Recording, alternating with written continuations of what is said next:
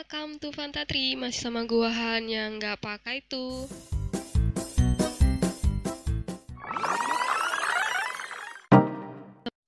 Kali ini yang bakal gua share sama kalian semua adalah tentang quarter life crisis. Kenapa gua pengen ngebahas ini? Karena menurut gua pembahasannya menarik banget dan juga banyak yang ternyata nggak sadar kalau dirinya ada di posisi ini. Ya mungkin juga kalian yang ngedengerin ini lagi di posisi ini sama halnya seperti gua yang sampai sekarang masih terperangkap dalam istana di jalan krisis gang pertengahan 20-an gitu ya. Apa sih gitu ya.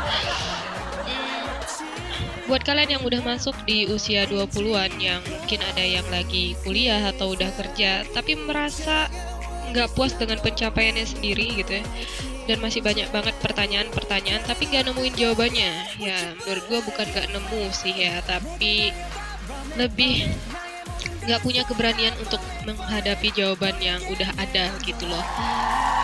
Dan juga kalian pernah gak sih kepikiran sama tujuan hidup kalian di dunia ini sebenarnya apa gitu? Kalian itu udah tahu gak apa yang benar-benar kalian pengen lakuin?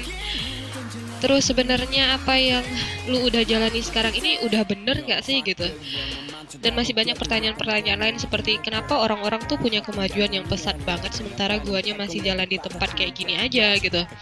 Teman-teman lu juga kok kayaknya hidupnya udah enak semua bisa kuliah di perguruan tinggi ternama udah lulus udah dapat kerjaan jabatan oke okay, nggak perlu disantunin lagi sama orang tuanya apalagi udah punya pacar, udah nikah, udah punya anak, dan kenapa gue nggak bisa kayak gitu gitu? Masih ada nggak sih pertanyaan seperti itu di pikiran kalian gitu? Kalau gue sendiri selalu selalu kepikiran sama hal-hal yang udah gue sebutin di atas tadi bahkan mungkin penyebab rambut rontok gue ini ya bukan karena kebanyakan makan micin campur gorengan gitu tapi ya karena pemikiran-pemikiran yang sampai saat ini masih menjajah jiwa raga gue olah olah. Dan pemikiran yang udah ada jawabannya ini tapi ya masih belum bisa nerima aja kalau ternyata jawabannya itu gitu ya. Belum berani untuk menantang diri sendiri lebih tepatnya dan lagi sebenarnya ada beberapa faktor juga sih penunjang kenapa pemikiran-pemikiran uh, yang seperti itu bisa muncul khususnya di guanya gitu ya kan. Ya gimana nggak muncul pertanyaan-pertanyaan yang kayak gitu kalau misalnya gue lagi buka WA ngeliat SW isinya foto-foto wisudaan semua foto bareng pacar, foto bareng suami atau istri, bareng anak ya kan. Ngebuka IG yang dilihat ya para kaum-kaum pria semua yang nunjukin baju, tas, gaji dan semuanya lah gitu ya kan. Jadi sebenarnya ini nih salah siapa sih gitu ya kan? Ya sebenarnya nggak salah siapa-siapa, nggak salah mereka juga yang udah ria di sosmed gitu ya kan. Cuma ya emang dasarnya otak gua ini selalu gampang aja berpikiran negatif ya. Dan juga tentunya hal ini selalu memunculkan yang namanya keirian. selalu aja berpikiran kalau ini orang mau manas-manasin gue yang masih ya bukan siapa-siapa gitu ya. Dan puncaknya ini adalah bakal menyebabkan yang namanya krisis terhadap diri sendiri yang mana gue bakal nyalahin diri gue sendiri nganggap bahwa diri gue itu nggak ada gunanya nggak kompeten gitu ya kan um, kalian ada ngerasa hal yang seperti itu? Kalau misalnya ada silahkan tulis di kolom komentar ya. Atau mungkin di antara kalian ada orang yang selama ini udah dianggap oleh kebanyakan orang kalau kalian tuh udah sukses gitu, udah lulus, kerjaan ada, gaji oke, pasangan nggak kurang, tapi kok masih merasa nggak bahagia? Weh, emangnya ada orang yang kayak gitu? Ya pertanyaan seperti itu pasti muncul gitu kan, apa sih kurangnya lo udah punya semua gitu? Sebenarnya gue belum ketemu sama orang yang kayak gitu tapi menurut gue pasti ada. Kenapa bisa kayak gitu? Karena itu kurang rasa syukur. Sesok bijak banget.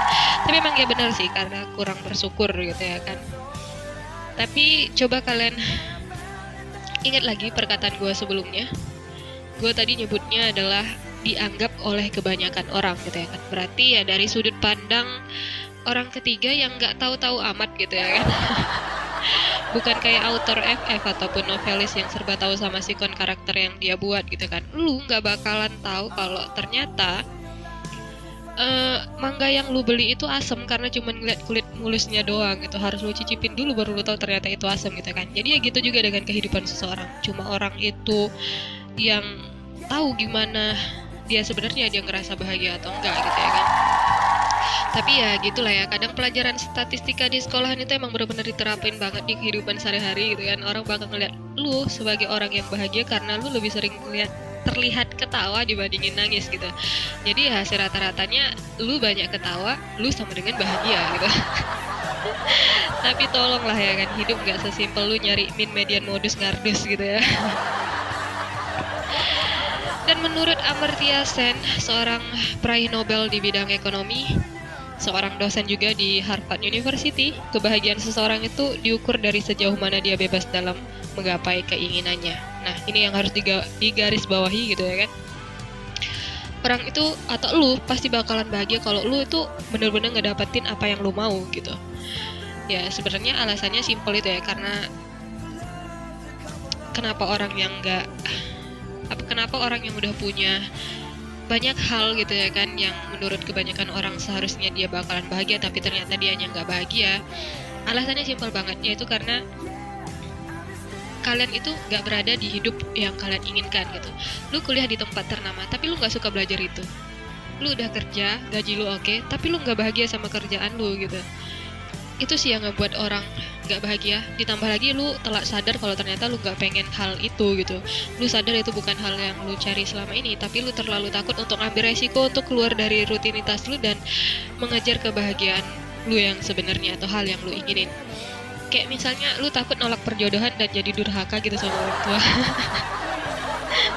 Itu dia tadi alasan terlogisnya adalah karena lu takut. Takut gagal dalam menghadapi rintangan yang udah pasti siap nungguin lo di depan sana. Dan akhirnya lu tetap berada di kondisi lu yang sekarang yang mengakibatkan lu nggak bahagia sama sekali walaupun lu udah mencapai hal tertinggi sekalipun gitu. Ya akhirnya apa? Ya akhirnya lu bakalan merasa benci aja sama diri lu sendiri gitu Nah, jadi dari pertanyaan dan bacotan gue tadi, kalau lu sama kayak gue dan ngerasain hal itu, lu sekarang ada di fase yang namanya quarter life crisis. Ya, yang seperti itu ya kan. Telat banget sebenarnya ngasih pengertiannya, tapi kan katanya nggak ada kata telat gitu ya kan. Jadi langsung aja gitu ya. Jadi quarter life crisis itu apa? Yaitu krisis emosional yang terjadi di rentang usia 20-30 tahunan yang mana biasanya lu bakal ngerasa terasingkan, nggak pantas, nggak kompeten, ragu-ragu, dan takut sama sebuah sebuah kegagalan. Nah, alasan lu ngalamin hal ini pertama banyak banget sih.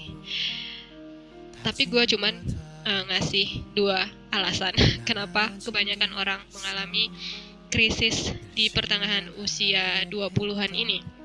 Yang pertama itu banyaknya pilihan. Uh, terus ada juga misalnya gue juga sempat nemuin sih orang yang masih nggak tahu cita-citanya ketika dia SMA atau mungkin di awal 20-an. Kalau ditanya cita-cita lu apa nggak tahu gue gitu. Sebenarnya hal ini yang bisa ngebuat lu berada di posisi krisis ini gitu. Nggak tahu uh, cita-cita lu apa sementara udah banyak pilihan untuk memilih lu harus jadi apa gitu. Mungkin kalau lu hidup di zaman dulu ya pilihannya nggak sebanyak zaman sekarang gitu kan. Apalagi sekarang uh, internet itu udah semewah-mewahnya gitu ya kan. Jadi dari situ lu juga udah punya banyak pilihan. Lu harus jadi apa. Tapi kan banyaknya pilihan gak menentukan enak aja gitu ya. Karena menurut gua semakin banyak pilihan semakin gak buat bingung gitu. Ya misalnya aja kayak lu uh, misalnya lu pengen kerja gitu ya kan. Pengen ya kerja pengen ngasilin uang gitu ya kan. Lu pengen jadi pengusaha gitu ya kan. Tapi sayangnya lu kepentok modal mau minjem di bank nggak punya jaminan. Punya jaminan tapi takut gagal. Nah kan jadinya banyak banget ya pikiran-pikiran kayak gitu. Terus oke okay, lu nggak mau jadi pengusaha. Yang lagi ngetren banget yaitu youtuber. Lu pengen jadi youtuber tapi nggak pede. Terus ada lagi mungkin lu punya PD tapi lu nggak punya hardwarenya lu nggak punya perangkatnya gitu ya kan. Terus lu punya PD punya tapi lu nggak bisa ngedit mau bayar uang finansial lu nggak ngedukung gitu adsense aja belum dapet gitu ya kan lu mau ngebayar orang sok-sokan banget untung kagak buntung iya gitu Terus ada lagi misalnya lu punya kegemaran atau hobi itu misalnya gambar, pengen jadi pelukis cita-citanya. Tapi seniman kadang nggak dihargai gitu ya kan di kehidupan sehari-hari. Takut aja gitu ngedengar cemo cemoohan para tetangga gitu kan. Belum lagi protesan dari orang tua. Buat lu bahagia aja lu harus mikirin kesenangan orang lain gitu ya kan. Alias lu kebanyakan mikir aja sih sebenarnya gitu. Makanya lu jadinya banyak pikiran yang sebenarnya hal yang nggak perlu lu pikirin jadinya lu pikirin gitu. Terus selain itu ada lagi faktor lainnya yang yang udah gue sebutin juga sih tadi. Yaitu nggak berada di jalan yang lu inginkan gitu ya kan. Ya sekalinya lu sadar lu pengennya apa lu udah telat dan berpikir kalau lu keluar dari rutinitas lu yang sekarang lu nggak akan sanggup untuk menghadapi itu. Belum lagi penolakan dari masyarakat ataupun bahkan dari keluarga yang selama ini lu anggap bisa menjadi penopang lu gitu. Dan si akhirnya lu bakal tetap mencoba bertahan untuk kebahagiaan segelintir orang dan mengenyampingkan kebahagiaan lu. Dan pertanyaannya adalah ini bahaya nggak sih? Sih sok bertanya banget gitu ya ya bisa jadi. Ini berbahaya untuk hidup lu. Kalau misalnya lu nggak mikirin solusinya dari masalah itu. Tapi ada beberapa ilmuwan psikologi yang menganggap kalau krisis ini sebenarnya diperlukan dalam hidup. Kenapa bisa kayak gitu? Ya sebenarnya kalau misalnya lu punya krisis dan lu mikir gitu ya kan se seenggaknya lu bisa ngubah kualitas hidup lu gitu dari krisis yang udah lu hadapi ini gitu.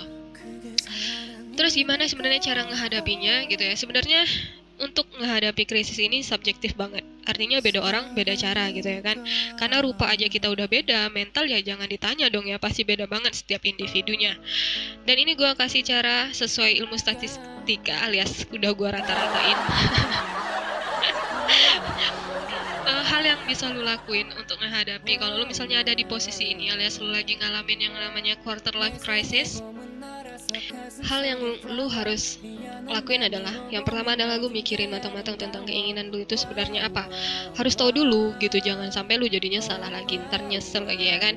Seandainya misalnya lu keluar dari rutinitas lu anggap aja keluar dari kerjaan atau sekolah lu harus tahu dulu antara untung dan juga rugi yang bakal lu dapat dari keputusan lu itu. Lu juga harus siap menerima resikonya itu yang terpenting sih ya. Karena kebanyakan orang nggak mau ngambil langkah itu ya karena takut gitu ya kan? Takut dengan resiko yang ya bakalan lu hadapi gitu.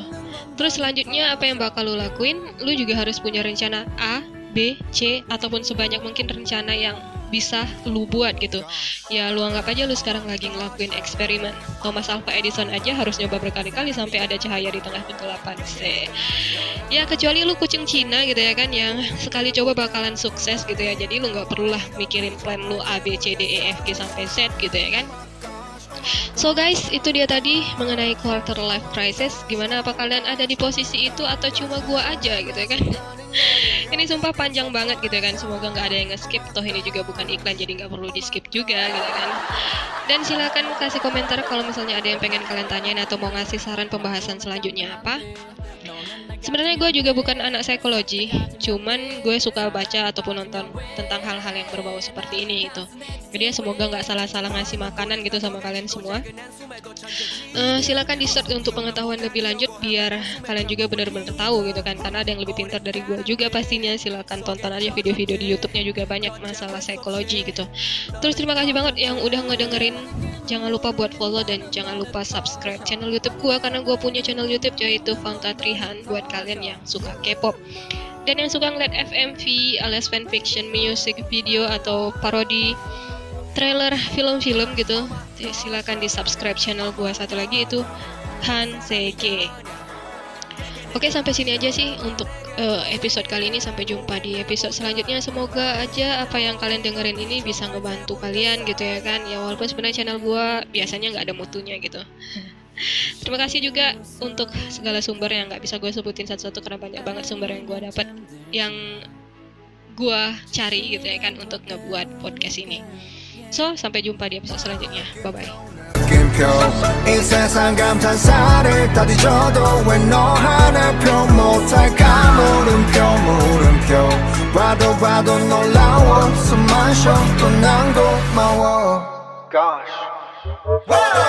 Oh my gosh, yeah. Oh my yeah,